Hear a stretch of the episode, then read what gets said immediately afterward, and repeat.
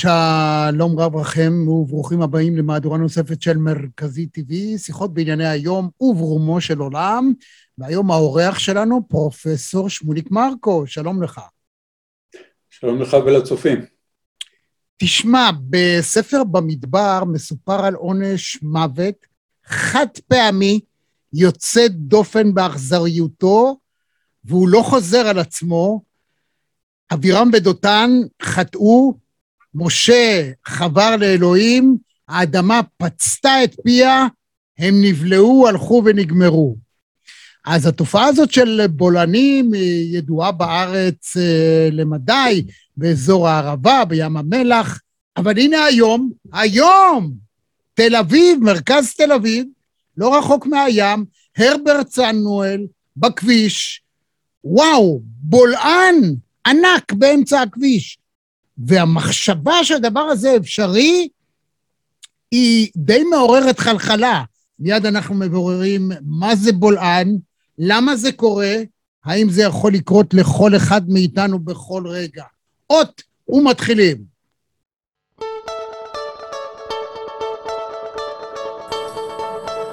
גבירותיי ורבותיי, צופות, צופים, מאזינות, מאזינים, אני גאה, שמח ומאושר לארח את פרופסור אולגה רז, שלום לך.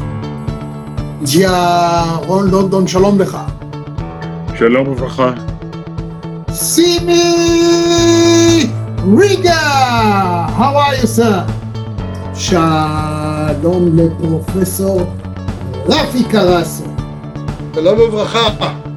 דוקטור אבשלום קור, שלום לך. שלום לנחמן שי. שלום, שלום רמי, מה זה, השין היה ארוך כזה, השין, כן, אוקיי, שי, כן. אני בדרך כלל אומר את השם הפרטי כמו גול. נא... עמירם לוין, שלום. שלום, שלום. דוקטור צחי בן ציון. אלון פינקס, שלום. רון לבנטל הגדול, שלום. פיפין ימין, שלום לך. שלמה צורל! דוד מנע, שלום שלום לך, מה שלומך?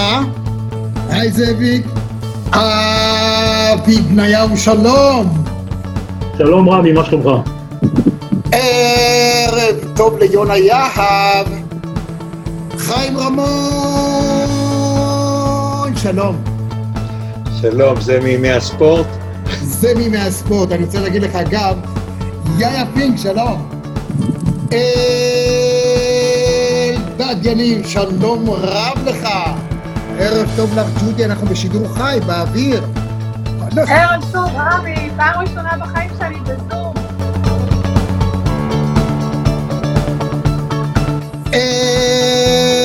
אדי ובנון, שלום לך.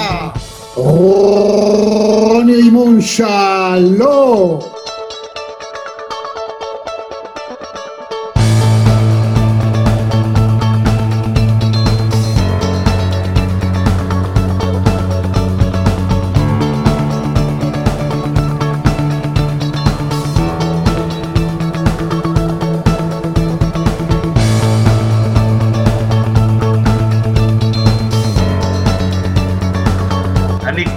פעמיים ביום קורא את האתר שלך ונהנה מהניתוחים ומהכושר ביטוי והיכולת ניתוח.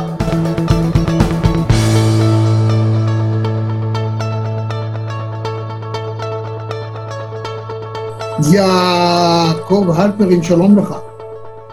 שלום, צהריים טובים. איך המשקפיים שלי? מה זה קוליות? חבל על הזמן.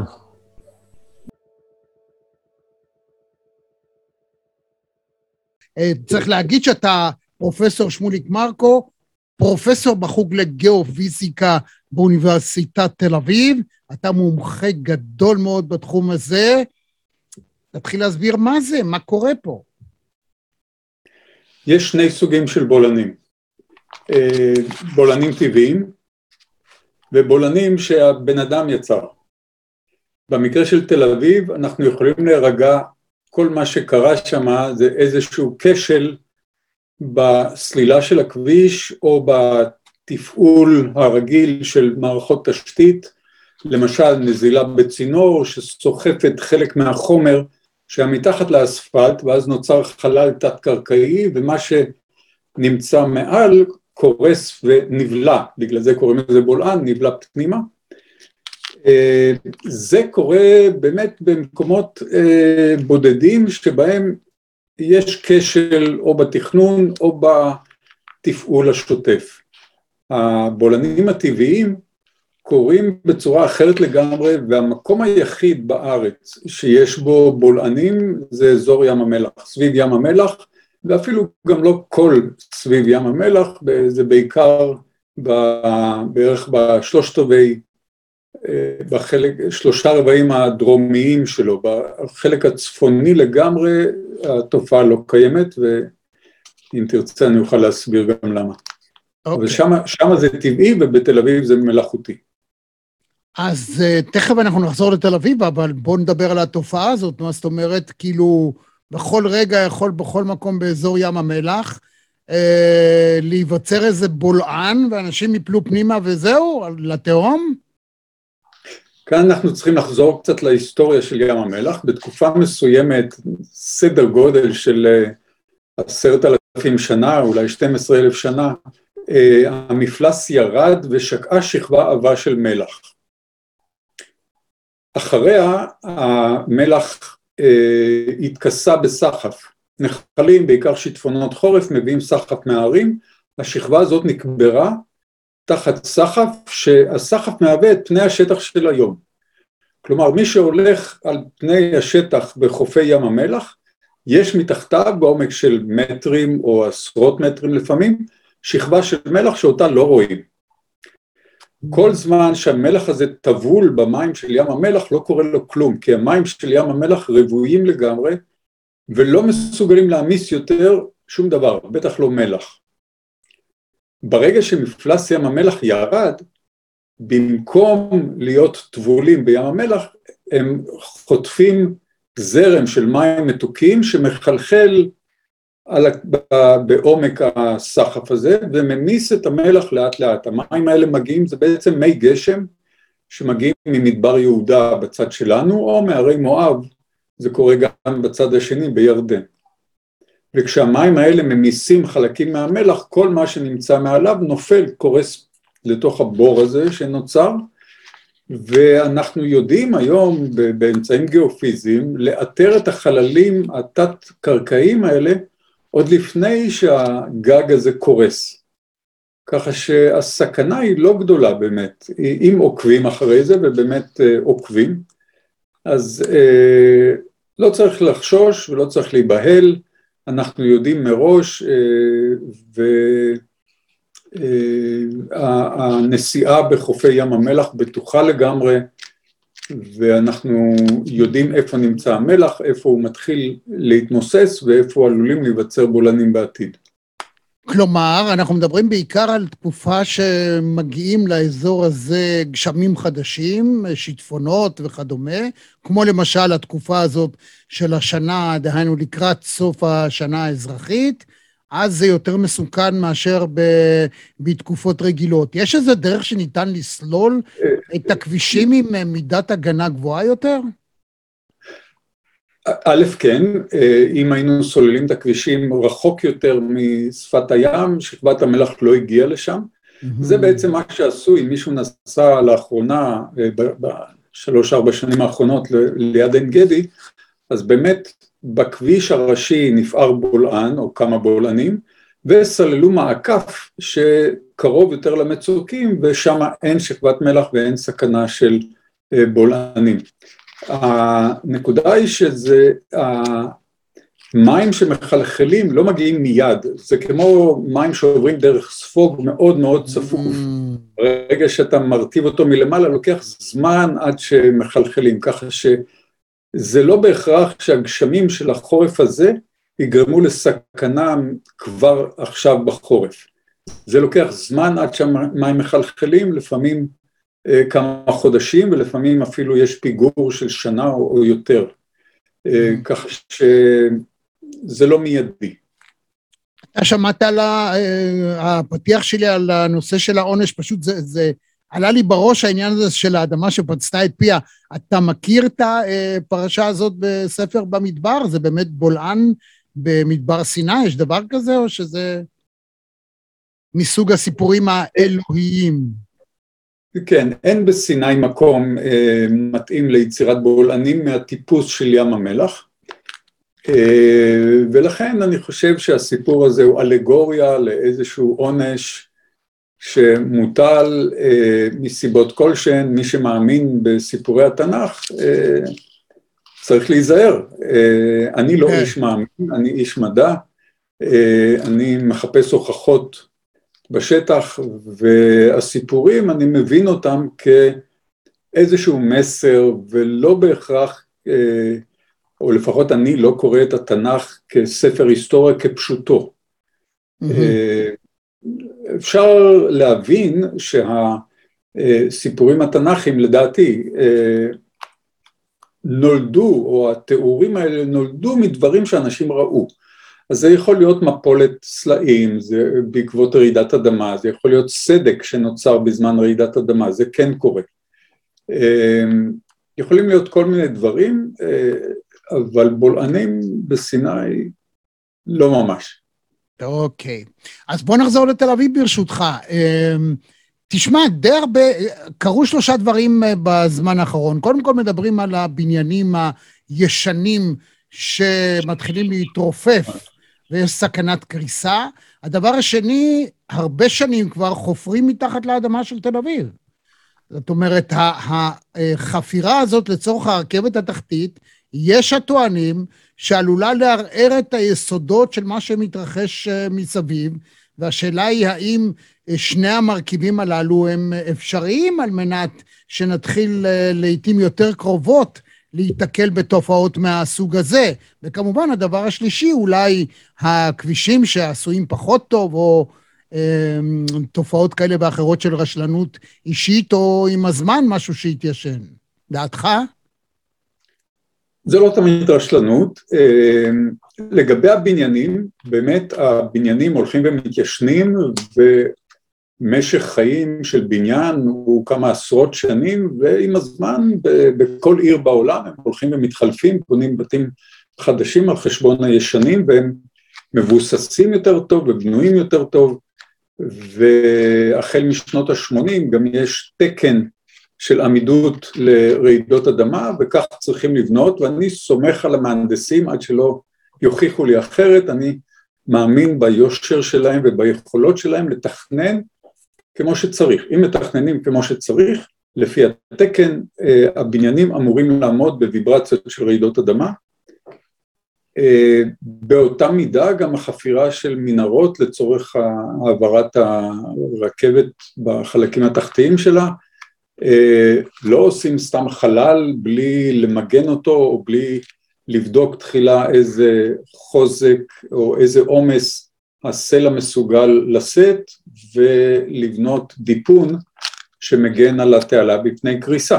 אז uh, הטכנולוגיות האלה קיימות בהמון מדינות בעולם, אנחנו הגענו מאוחר לתחום הזה של רכבות תחתיות, אבל בהמון מקומות כבר עשרות שנים, אפילו מאה שנים, יש רכבות תחתיות והמהנדסים יודעים איך למנוע קריסה של אה, מנהרה כזאת ולבנות אותה בצורה בטוחה. הבניינים שמתיישבים... אז אין מצב שהחפירות הללו יאיצו את הסכנה של קריסה, התמוטטות בניינים, או, אתה יודע, יש האומרים, מדברים על תזוזות קרקע. אם תוכל להסביר מה זה. יש תזוזות קרקע טבעיות שנגרמות בגלל רעידות אדמה. אנחנו יודעים מההיסטוריה שרעידות אדמה קרו באזור מדי פעם ונפגעו בניינים, למשל תל אביב לא הייתה אז, אבל ביפו כן, יפו זאת עיר עתיקה.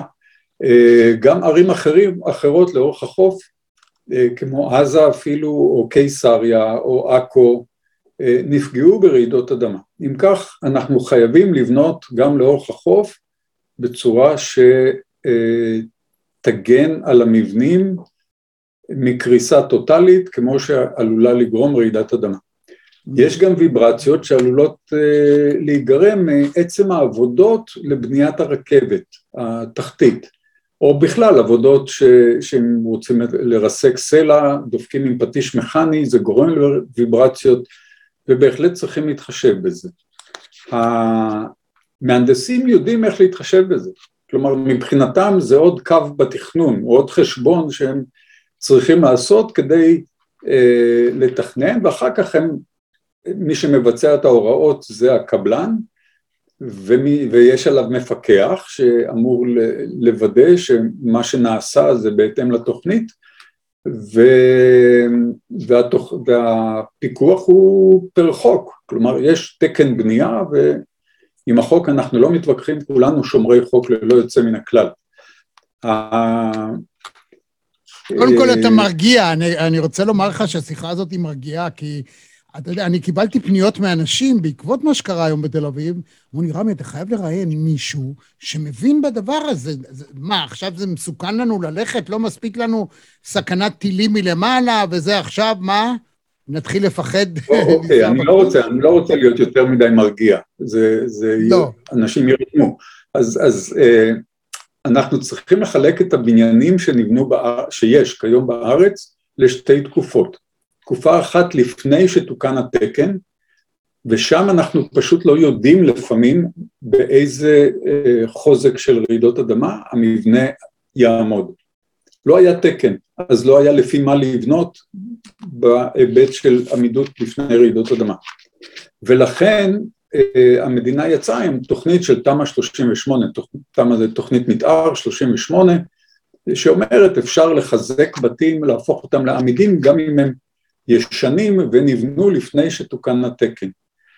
אה, אנחנו חייבים לעשות את זה, אה, או להחליף את הבניינים, כלומר התחדשות עירונית או תוכניות אחרות, כי אנחנו לא יודעים, והבניינים האלה שקרסו בחולון או במקומות אחרים, מדגימים לנו מה עלול לקרות אפילו בלי רעידת אדמה. וואו. על אחת כמה וכמה כשהאדמה רועדת. אז יש לנו קבוצה של מבנים שבחלקם אנחנו יודעים שהם לא בנויים מי יודע מה ולא אמורים לעמוד בוויברציות וחלקם אנחנו פשוט לא יודעים. Mm-hmm. אפשר אמנם לבדוק את זה, יש אמצעים לבחון את העמידות של מבנה, זה לא מאוד יקר, אבל אפשר לעשות את זה ויש חברות פרטיות שעושות את זה, ו... ואז להחליט אם לחזק את המבנה או לא. איך לחזק? שוב, המהנדסים יודעים. אבל צריך לדאוג למבנים שנבנו בעיקר לפני שנות ה-80, כי הם לא בטוח שעומדים בפני רעידות אדמה. אז פרופסור מרקו, בוא אני אקח אותך לקצת, ל... מיד אתה ממשיך. אני רוצה אבל לעשות איזה, מה שנקרא, אולי קומיק רליף, אולי משהו בדיוני. יש סרטים, בעיקר סרטי שודים גדולים, סדרות נפלאות, שעל מנת לגרום לאיזה מהומה, מייצרים סוג של רעידת אדמה באופן מלאכותי.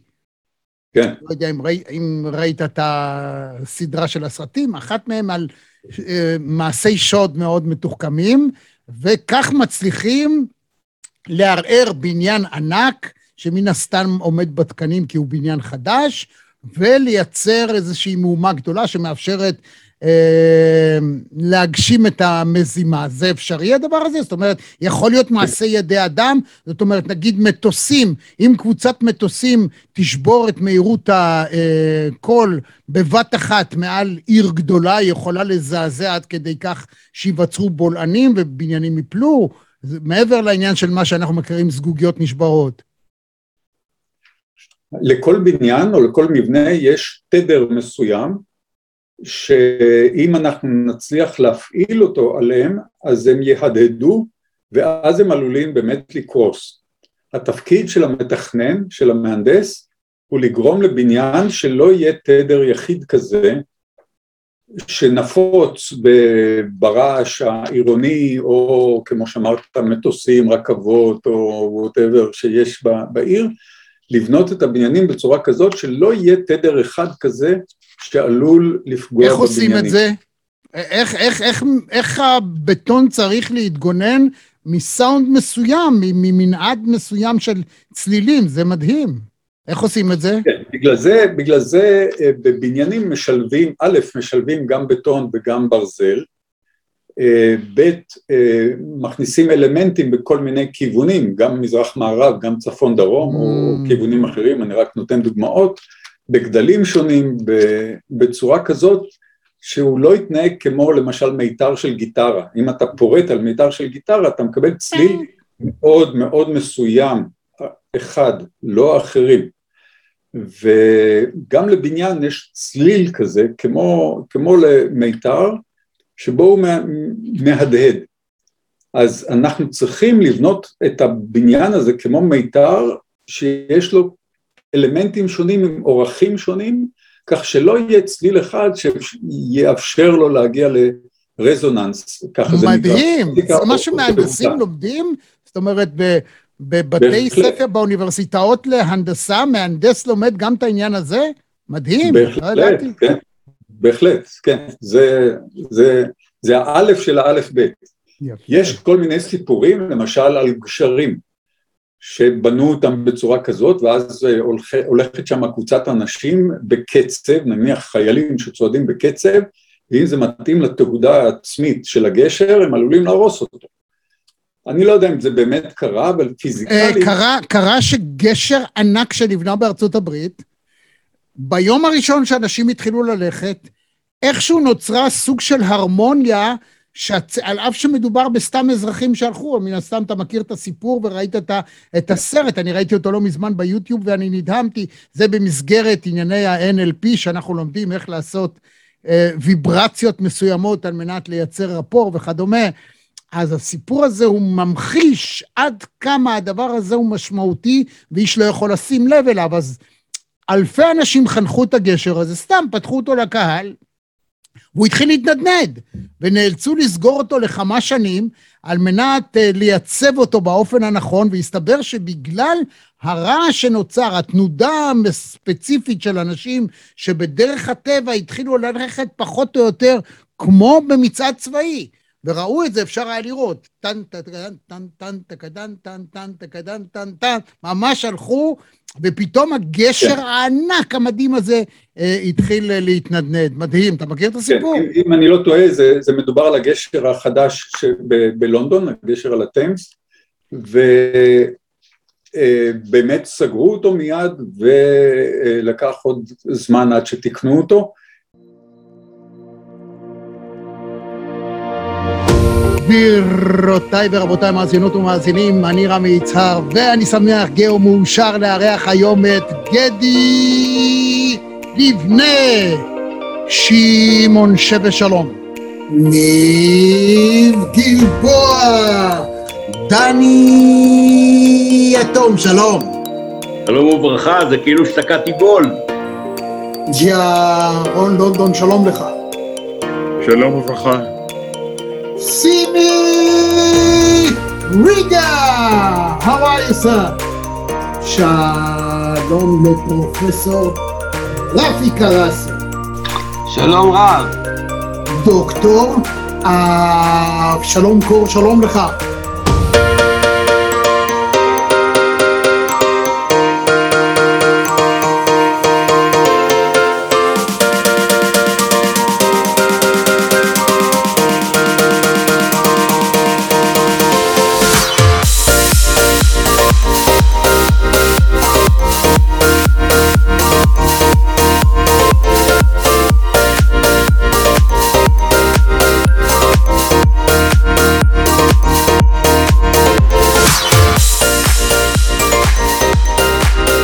אהלן רמי, אהלן רמי, תקשיב, אני אחוז התרגשות, אני שומע אותך שנים רבות וארוכות בפינות הספורט בבוקר, בגלי צה"ל. אולגה רז, שלום לך. שלום לנחמן שי. עמירם לוין, שלום. שלום, שלום. דוקטור צחי בן ציון. רון לבנטל הגדול, שלום. אה, ביבי ימין, שלום לך. שלמה צורן! יעקב הלפרין, שלום לך. שלום, צהריים טובים. היי זאביק. אבי בניהו, שלום. שלום רמי, מה שלומך? טוב ליונה יהב. חיים רמון, שלום. שלום, זה מימי הספורט? זה מימי הספורט, אני רוצה להגיד לך גם, אלון פינקה. יאיה פינק, שלום. אלדד יניב, שלום רב לך. איוב קרא, שלום לך. שלום רב. ערב טוב לך, ג'ודי, אנחנו בשידור חי, באוויר. ערב טוב, רמי, פעם ראשונה בחיים שלי בזום. אני כל יום, פעמיים ביום קורא את האתר שלך ונהנה מהניתוחים ומהכושר ביטוי והיכולת ניתוח. לא תמיד זה פשוט, אני אומר המהנדסים יודעים, אני לא מהנדס, אבל המהנדסים אמורים לדעת לתכנן, לפעמים זה לא, זה לא טריוויאלי, זה, זה למסתכל מן הצד, מכניסים, זה לא נוסחה אחת שמכניסים איזה נתון ואתה מקבל תוצאה ואומר תבנו את הגשר ככה או את הבניין ככה, אבל ללא ספק זה מה שצריך לעשות ויודעים איך לעשות את זה אנחנו יודעים גם שלרעידות אדמה יש תדרים מסוימים והבניינים מגיבים בהתאם לתדר, ככה שאם מסתכלים למשל על תמונות של ערים שנפגעו ברעידות אדמה, לפעמים אתה רואה בניין אחד שלא קרה לו כלום ולידו בניין אחד שחרב טוטאלית. זה יכול להיות בגלל התגובה השונה לתדרים של רעידות אדמה. ו... כלומר, אתה זה... אומר שגם אם שני הבניינים הללו, אה, יצירתם הייתה כדין ובאופן המתחייב על פי החוק, אחד כתוצאה מהתדר הזה יכול להתמוטט ולהימחק, וזה שלידו באותה עוצמה על פי מה שהיה בעבר סולם ריכטר, לא יקרה לו כלום. מעניין, מדהים. כן, זה, במקרה הזה זה לא רק סולם ריכטר, זה, זה בעיקר התדרים, זה כמה ויברציות ביחידת זמן. נגיד, mm-hmm. המושג המקובל זה הרץ, הרץ זה תנודה אחת בשנייה. אם אנחנו אומרים חמישה הרץ, זה חמש תנודות בשנייה. אז למשל תדירות מסוימת של רעידת אדמה יכולה להיות שלושה הרץ, חמישה הרץ, אנחנו צריכים לבנות את המבנה שלא יהיו בו אלמנטים שייכשלו נגיד בשלושה או חמישה הרץ, ואם אם, אם זה תדר רעידות אדמה שיש באותו אזור. אז בהחלט לומדים את זה גם כשלומדים גיאופיזיקה וגם כשלומדים הנדסה. הגיאופיזיקאים נותנים את הנתונים, תפקידם לתת את הנתונים למהנדסים, אלה שמתעסקים בתחום הזה, והמהנדסים אמורים לבנות את הבניין בצורה כזאת שזה יעמוד בתדר העצמי, כשהגיאופיזיקאים גם צריכים לדעת שזה משתנה מאזור לאזור, כלומר אם אני רוצה לבנות בפתח תקווה, אז אני עושה את הסקר בפתח תקווה ומודד את התדרים האופייניים לשכונה מסוימת או לרחוב מסוים אפילו, או, או אם רוצים לדייק יותר, אפילו בניין מסוים. וואו. ו... וואו, זה פשוט אפשר... וואו. וואו. נכון, וככה אנחנו יכולים לתכנן כל מבנה בצורה שהוא יתנהג בצורה בטוחה ברעידה שאנחנו מקווים שלא תבוא. Uh, ממה שאתה יודע, פרופסור מרקו, איפה הבולענים הכי גדולים בעולם? איפה הכי מסוכן להסתובב? או, שאלה טובה. הבולענים, אני, אני לא יודע להגיד, לא הייתי עדיין בכל העולם, זה, זה אחת המטרות, זה ברשימה, אבל עוד לא הגעתי לכל העולם. ו... אבל הייתי למשל בכמה מדינות בבלקן, למשל קרואטיה או סלובניה, ואלה אזורים שיש בהם בולענים מסוג אחר שיש, שיש בים המלח, אלה בולענים שנוצרים בגלל המסע של סלעי גיר.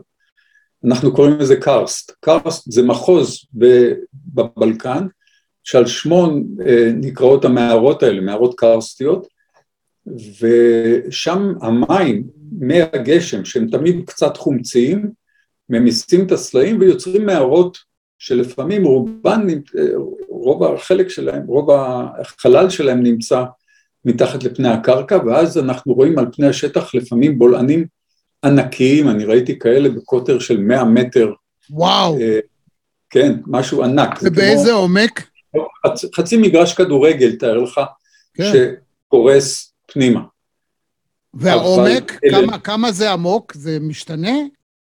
זה יכול להיות כמה עשרות מטרים. וואו. 20-30 מטר. אה, אני לא ראיתי כאלה בפעולה, אבל אה, היו כאלה בעבר, ואז רואים בורות כאלה, ואפילו נהרות שזורמים, ואז הנהר נבלע לתוך בולען כזה ויוצא במקום אחר, כאשר הוא זורם חלק מהמסלול מתחת לפני הקרקע, יש כאלה בתאילנד, יש כאלה ב... אה, בבלקן כולו, ברוב הבלקן, גם באלבניה, גם בקרואטיה, גם בסלובניה, במונטנגרו, אה, ובארץ יש קרסט, אבל לא בכאלה ממדים, לא נתקלתי בכאלה ממדים, אבל בכל זאת אה, צריכים להתחשב בו כש, כשבונים וכשמתכננים יישוב או, או מבנה, צריכים בהחלט באזורים שעשויים מסלעי גיר והיו חשופים לסחיפה של מי גשם, בהחלט צריכים לברר האם אין חללי קרסט באותו אזור. תגיד, אה, אם אנחנו לקראת סיום נחזור לתל אביב ולדאגה של אה, המון אנשים מהדבר הנורא הזה שפתאום קרה היום, בום, באמצע הכביש. אה, הרברט סמואל ליד, ה... ליד חוף הים, ליד הטיילת, בור ענק. יש משהו שהמדינה, העירייה, יכול, מע"צ יכולים לעשות כדי לבדוק את הכבישים, אם יש מקום מועד, אתה יודע, אם יש משהו לתחזק, לעשות, או שזה מן אללה? לא, זה ממש לא מן אללה, וזה לגמרי בידינו. יש מספר דרכים לעקוב אחרי זה. אחד הדברים הפשוטים זה לדעת איפה יש נזילות בצנרת.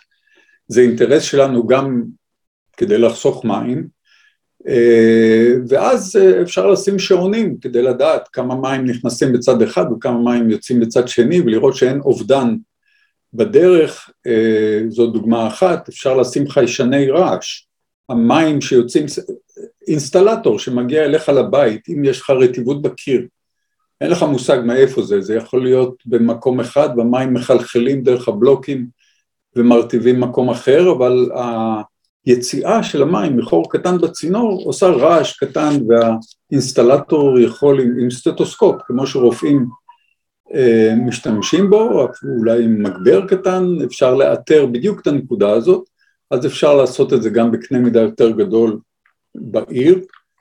אה, וכשיש חללים, אז אה, ברגע שיש חלל נופלות אבנים מהחלק העליון שלו ופוגעות בקרקע, אפשר גם את הרעשים האלה לקלוט.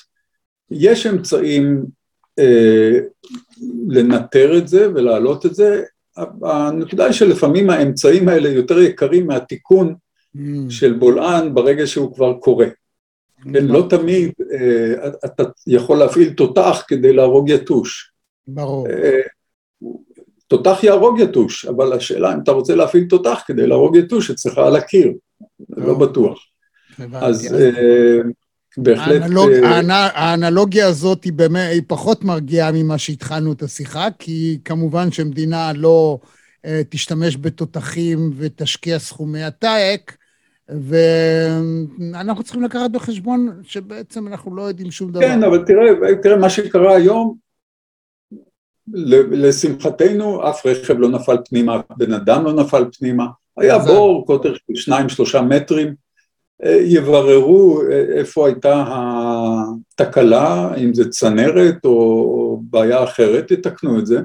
והחיים ימשיכו, ואני חושב שהדוגמה הזאת של היום אומרת שלא צריכים להפעיל את, את כל אה, הארסנל של אה, היכולות המדעיות וההנדסיות שלנו כדי לפתור בעיה כזאת שתוך אה, חצי יום אנחנו פותרים אותה עם איזה משאית בטון ו... וקצת אספלט. אז... אה, ובסופו של דבר החשבון הוא, הוא, הוא בעצם כמו ניהול סיכונים. אנחנו... באמת. כמו שאתה עושה ביטוח, נניח שהיו אומרים לך, הביטוח עולה לך 100 אלף שקל בחודש, אז אתה אומר, 100 אלף שקל בחודש, מה כבר יקרה? אם יקרה לי משהו ש... שאני באלפיים שקל מתקן, אז למה לי לעשות ביטוח במאה אלף שקל? אז أو. זה ניהול סיכונים. אתה מבטח את עצמך עד סכום שנראה לך סביר, שהתקלה לא, לא תהיה הרבה מתחתיו. אתה... בוא נקווה לטוב. אה, החכמנו בעניין של בולענים מאיפה הם באו, סיכמנו שהעונש המוות הנורא שדותן ואבירם ספגו ממשה ואלוהים באותו פרק במדבר, זה לא היה בולען, אלא אולי משהו אחר, האדמה פצתה את פיה. היום זה קרה בתל אביב, אז זה לא בולען כמו זה שבאזור ים המלח, אלא בולען מסוג אחר שלא ברור מה טיבו, אבל רמת הסיכון די נמוכה.